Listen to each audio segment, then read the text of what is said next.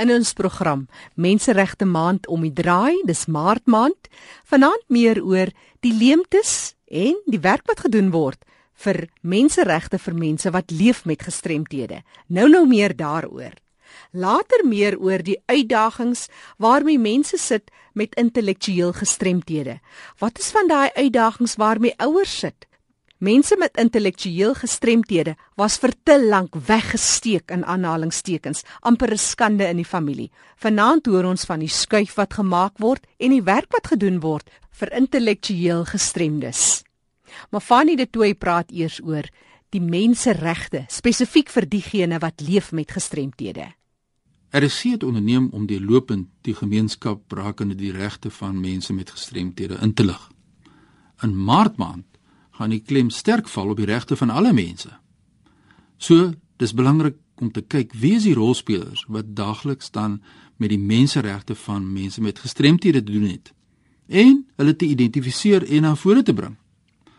Nou so 'n organisasie is byvoorbeeld die Wes-Kaapse Vereniging vir persone met gestremthede, APD Wes-Kaap, soos dit in die volksmond bekend staan.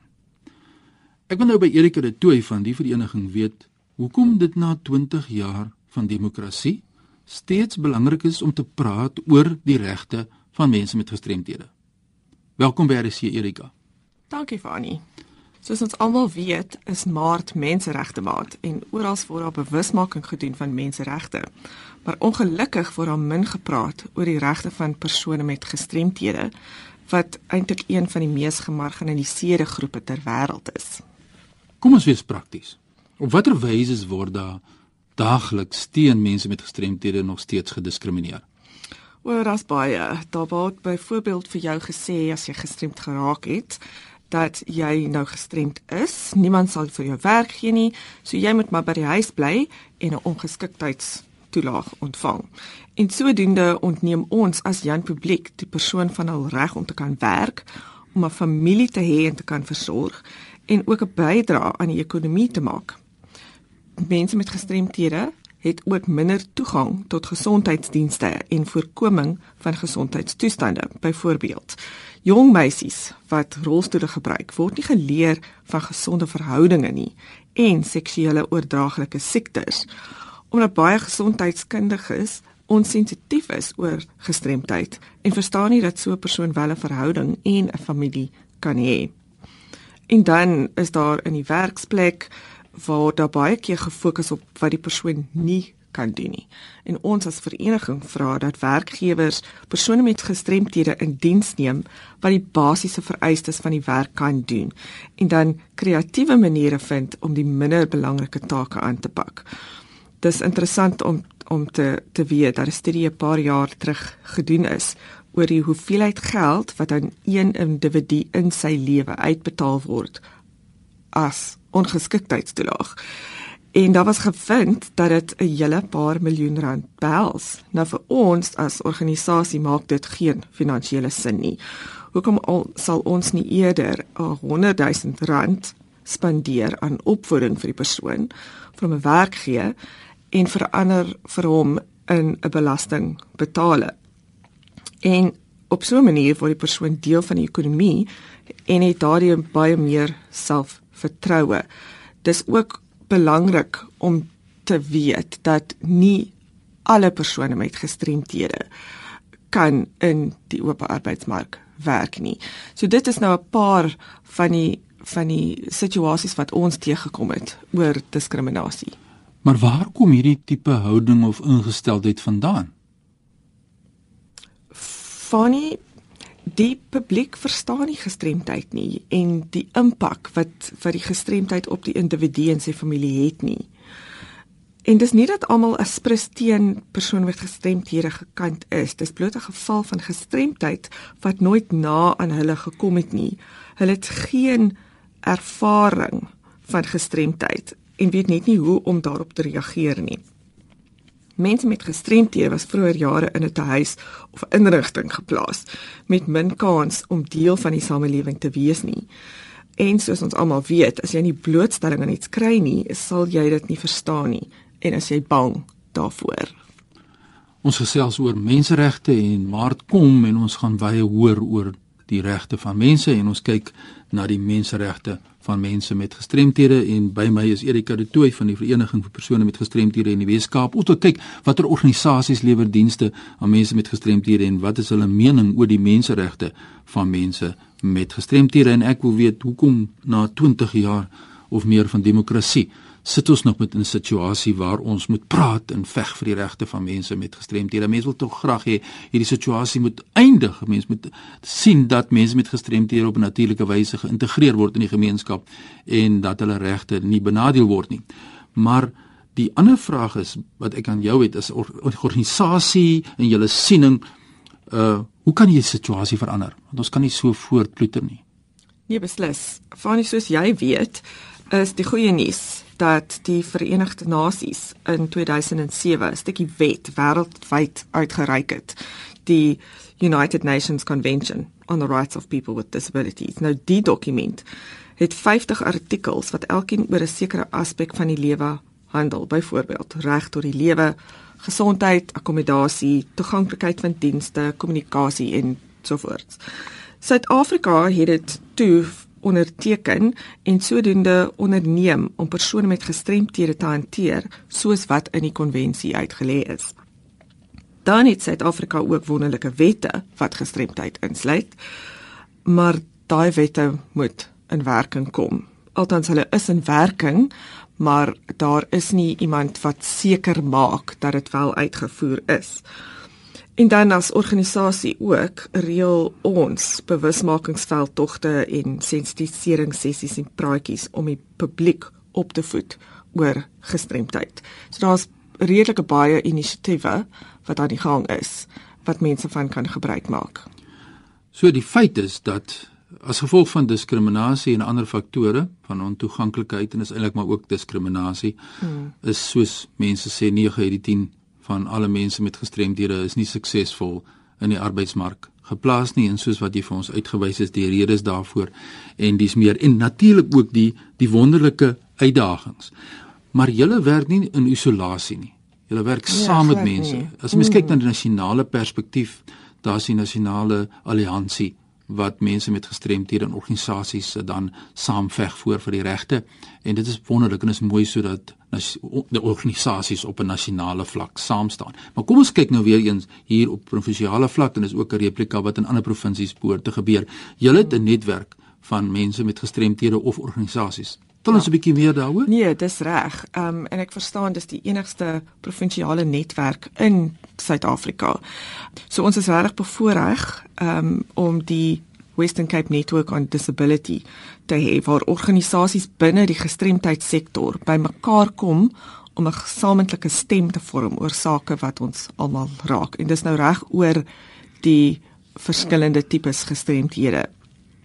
Uh Weskaap IPD is baie lank en baie jare deel van hierdie netwerk en ek sou regtig enige soortgelyke organisasie wat met gestremdheid of persone met gestremdhede werk aanraai om vir lidmaatskap voor aansoek te doen. Dit sal regtig die jou organisasie se dienste verwyd. Ja, maar kyk nou na die breë perspektief wat 'n mens nou moet sien. Jy sê dit is uh, nie algemeen praktyk miskien in ander provinsies nie. So, as die luisteraars nou belangstel in hierdie saak en wat is jou mening? Daar waar jy jouself bevind. Is daar samewerking tussen verskillende organisasies in verskillende provinsies en veg die organisasies saam as mense die woord veg met respek kan gebruik vir die regte van mense met gestremthede. Ons hoor nou wat sê Erika, daar's nog baie uitsluiting en daar's nog baie werk wat vir ons wag. So dis baie interessant. So ek gaan net die kontak besonderhede deurgee. So ek wil graag hê jy moet na vore kom en vir ons u mening gee oor hierdie baie belangrike saak. Nou om op te som die tyd hardloop uit. Erika ek wil graag by jou weet wat sou jy sê kan Jan publiek doen? Wat kan die man in die straat doen om hierdie situasie te probeer verbeter? Maar wat nie regtig betrokke is in diepte by organisasies soos julle by die vereniging vir persone met gestremthede wat elke dag gestremdheid leef nie. Maar wat kan die Jan publiek doen? Mm. daar's daar's verskeie maniere. En ek sou sê die eerste is om oor gestremdheid te leer mm. so of skakel met ons om 'n praatjie te reël by die kerk of die werksplek of uh skool of reële sensitisering sessie saam met ons of maak bloot vriende met persone met gestremthede. Sosialiseer met hulle. Praat uit as jy sien iemand wat gestremd is word bevooroordeel of mishandel en dan soos hy sê miskien betrokke by organisasies soos onsinne um op 'n vrywillige basis. En dan is daar altyd die die opsie om vir organisasies te help met fondswerwing en dit dit verander die situasie op 'n indirekte manier vir persone met gestremthede. Ja, ons wil graag hoor wat is die gemeenskap se mening in verskillende provinsies oor hierdie saak van sensitisering. Daar is wonderlike bewusmakingsprojekte, sensitiseringsprogramme. Ek self is betrokke of het die voorreg om betrokke te wees by 'n projek landwyd oor die sensitisering van die gemeenskap rakende gehoorverlies. Soos daar baie baie kundigheid blind uh, en verskillende forme van gestremdheid wat goeie werk doen in Suid-Afrika. So kom asseblief na vore. Erika, die tyd het uitgeloop. Wat is jou hmm. boodskap aan die gemeenskap komende van die Wes-Kaapse vereniging? Ek sou sê die goue reël is altyd om 'n persoon met gestremthede te behandel soos enige persoon. Dit is immers wat hulle is. Persone met gestremthede het dieselfde drome, hulle het gevoelens, hulle het ideale soos enigiemand en moet natuurlik so behandel word ek sê baie dat ons almal gestremd is, dit het net nog nie gebeur nie. So as ons nie vroeg in ons lewens 'n gestremdheid opdoen nie, sal ons definitief oud word en daarbey saam kom 'n mate van gehoorverlies of visueel gestremdheid of sukkel met loop of enigiets anders. En sal dit nie wonderlik wees as die samelewing jou dan steeds as 'n persoon sien en nie as iemand om te vermy vir my gaan dit daaroor. Ja, die insluiting en die aanvaarding in 'n menseregte maand wat ons nou ingaan in Maart.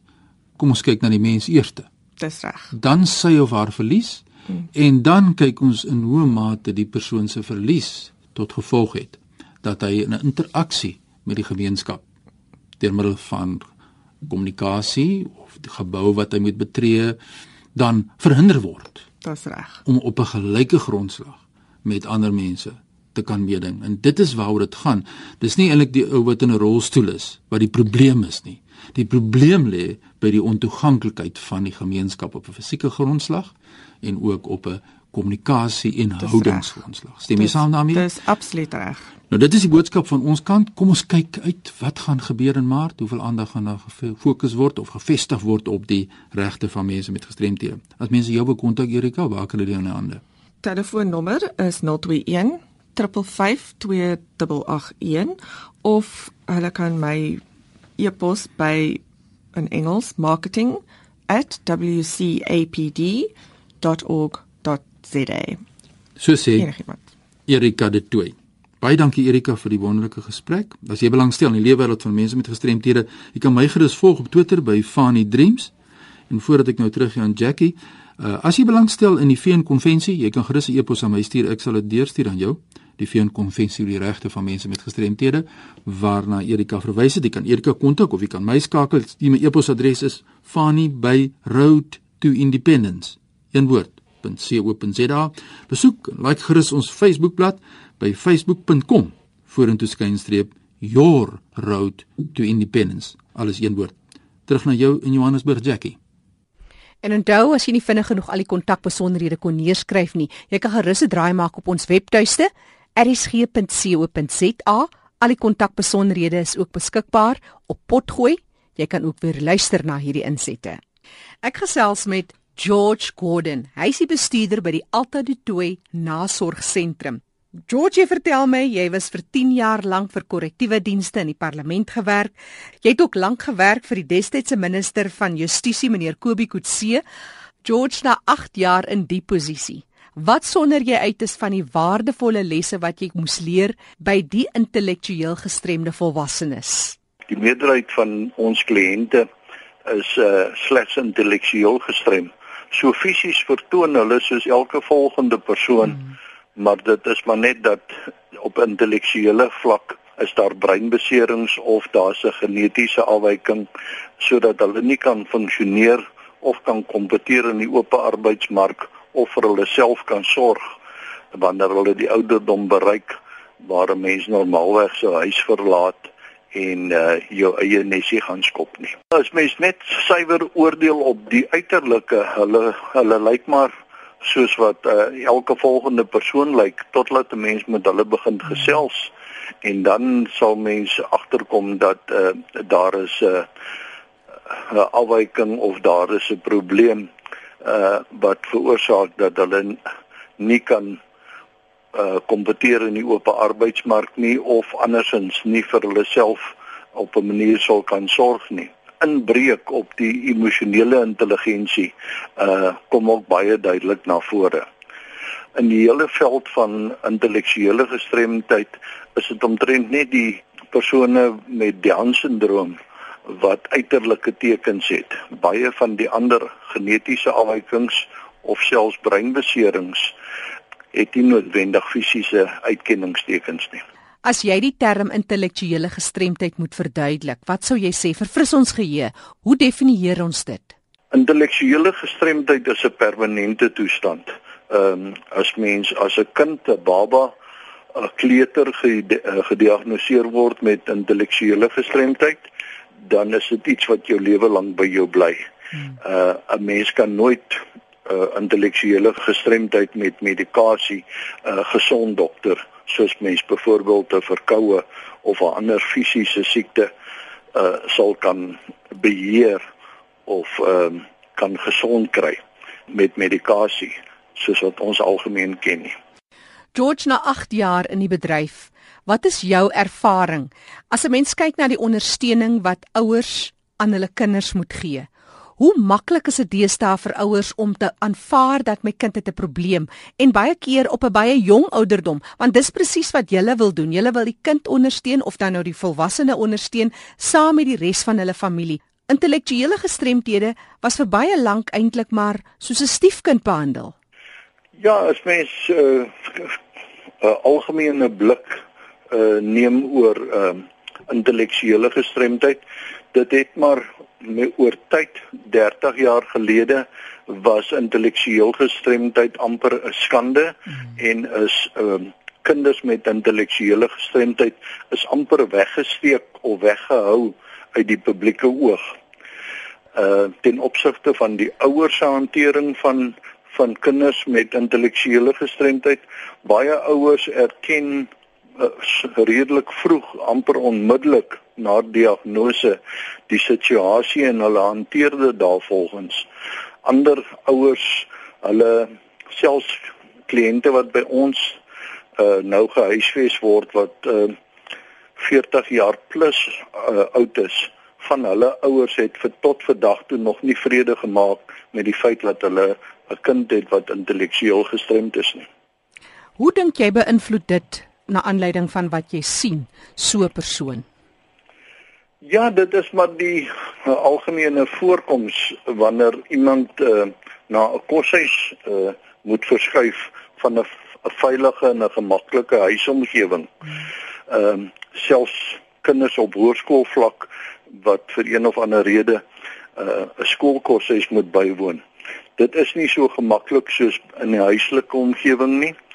En uh, ja, daar is aanpassingsprobleme, maar aan die ander kant weer soos met baie gestremdhede en ook fisiese gestremdhede sal mense vir jou sê met ondervinding dat hoe vinniger of hoe jonger so 'n gestremde persoon blootgestel word aan 'n programdiens, hoe makliker is dit aan die einde van die dag vir die kliënt sowel as die ouers en die familie. Mm, ek hoor net jy verwys na die kliënt, maar as jy nou praat van die kliënt, dit is seker ook dan beter vir so 'n persoon om in 'n omgewing te wees waar ander ook met die tipe uitdagings lewe. Jy voel net soveel meer seker in 'n gemaksone.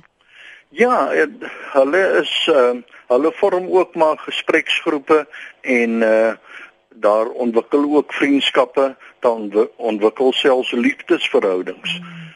So ja, as as hulle eers deel geword het van die programdiens en die sentrum se se leef opset ehm uh, dan raak sake net makliker en uh, hulle leer die personeel ken, hulle voel nie meer bedreig nie en uh, hulle gaan aan met sosiale interaksie. Mm. En dan wil 'n mens seker wil wil jy seker byvoeg om te sê dan besef jy hulle dieselfde tipe behoeftes as wat 'n ander persoon het. Dis dis net nog 'n persoon met sekere uitdagings. Ja, by ons by alternatiewe nasorg uh, waar ons mense hanteer uh, bo die ouderdom van 18 sien ons dit gereeld dat uh, hulle het maar dieselfde behoeftes as enige ander persoon, enige ander normale persoon. Die enigste verskil is net baie van ons kliënte al is hulle uh, mense in die ouderdom van 40 jaar plus het hulle 'n funksioneringsvlak van miskien 7 of 8 jaar oud. En dan het hierdie volwasse liggaam het ehm um, openbaar die tipiese houding van iemand 'n kind van 7 8 jaar. Hulle soek beskerming hulle soek liefde hulle soek aandag Hulle soek 'n bietjie omgee, hulle soek toenadering. Daar is nie verkeerde bedoelings wanneer hulle hulle hande om jou kom aan uh, kom saamslaan nie. Hulle soek maar net die liefde en die aandag en die versekering dat jy sal in die beste belang vir hulle optree. George nou baie van hierdie inrigtinge het ontstaan na aanleiding van ouers wat besef het hulle kinders het hierdie hulp nodig en omdat daar nie hierdie inrigtinge gereedelik beskikbaar is nie, het so 'n inrigting dan ontstaan. Saam met dit kom ook die uitdaging van om dit dan volhoubaar te hou vir al die kliënte soos jy daarna verwys. Vertel ons van julle uitdagings ten opsigte van hoe hou julle die altyd twee se deure oop? Ons het basies 3 inkomste strome.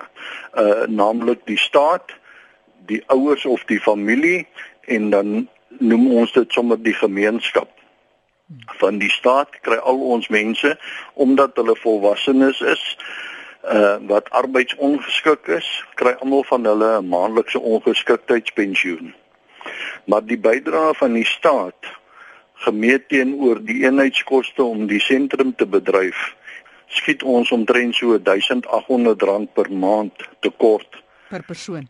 per persoon en dit sal normaalweg sou dit goed gemaak kan word deur ouers of familielede. Maar in baie van ons kliënte se lewens is die ouers nie meer daar nie of die familielede is nie betrokke nie.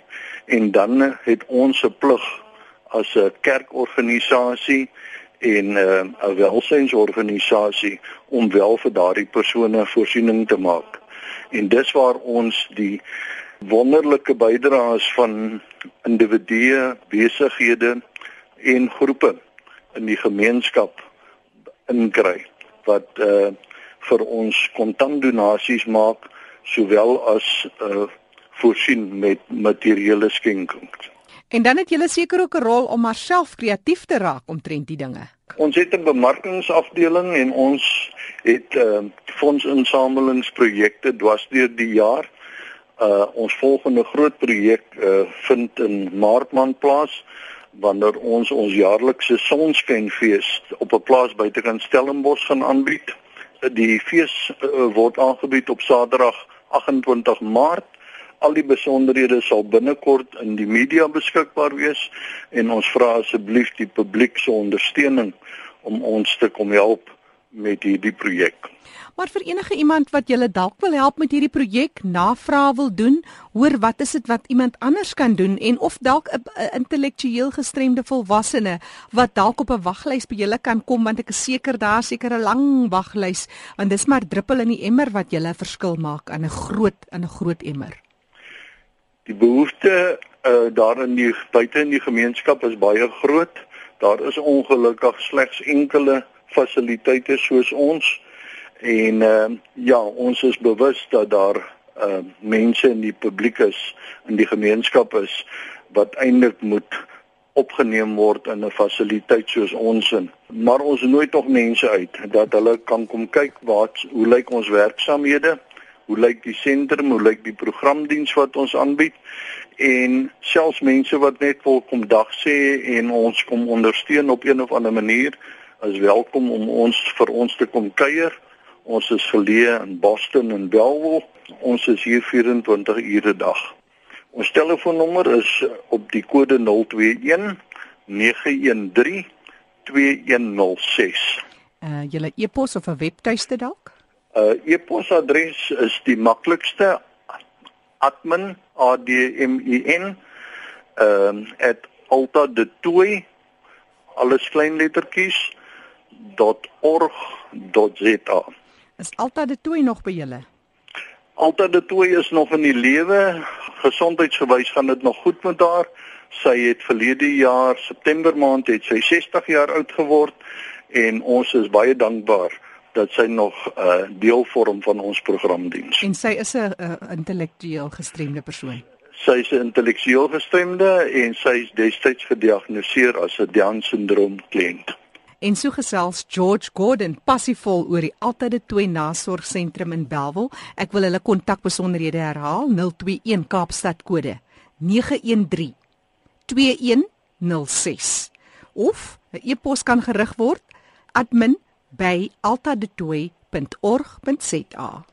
Onthou, jy kan weer gaan luister na hierdie insetsel van ons program. Leefwêreld van die gestremde gemaak het draai op ons webtuiste. Dis ERG se webtuiste, erg.co.za. Klik op potgooi en soek vir Leefwêreld van die gestremde.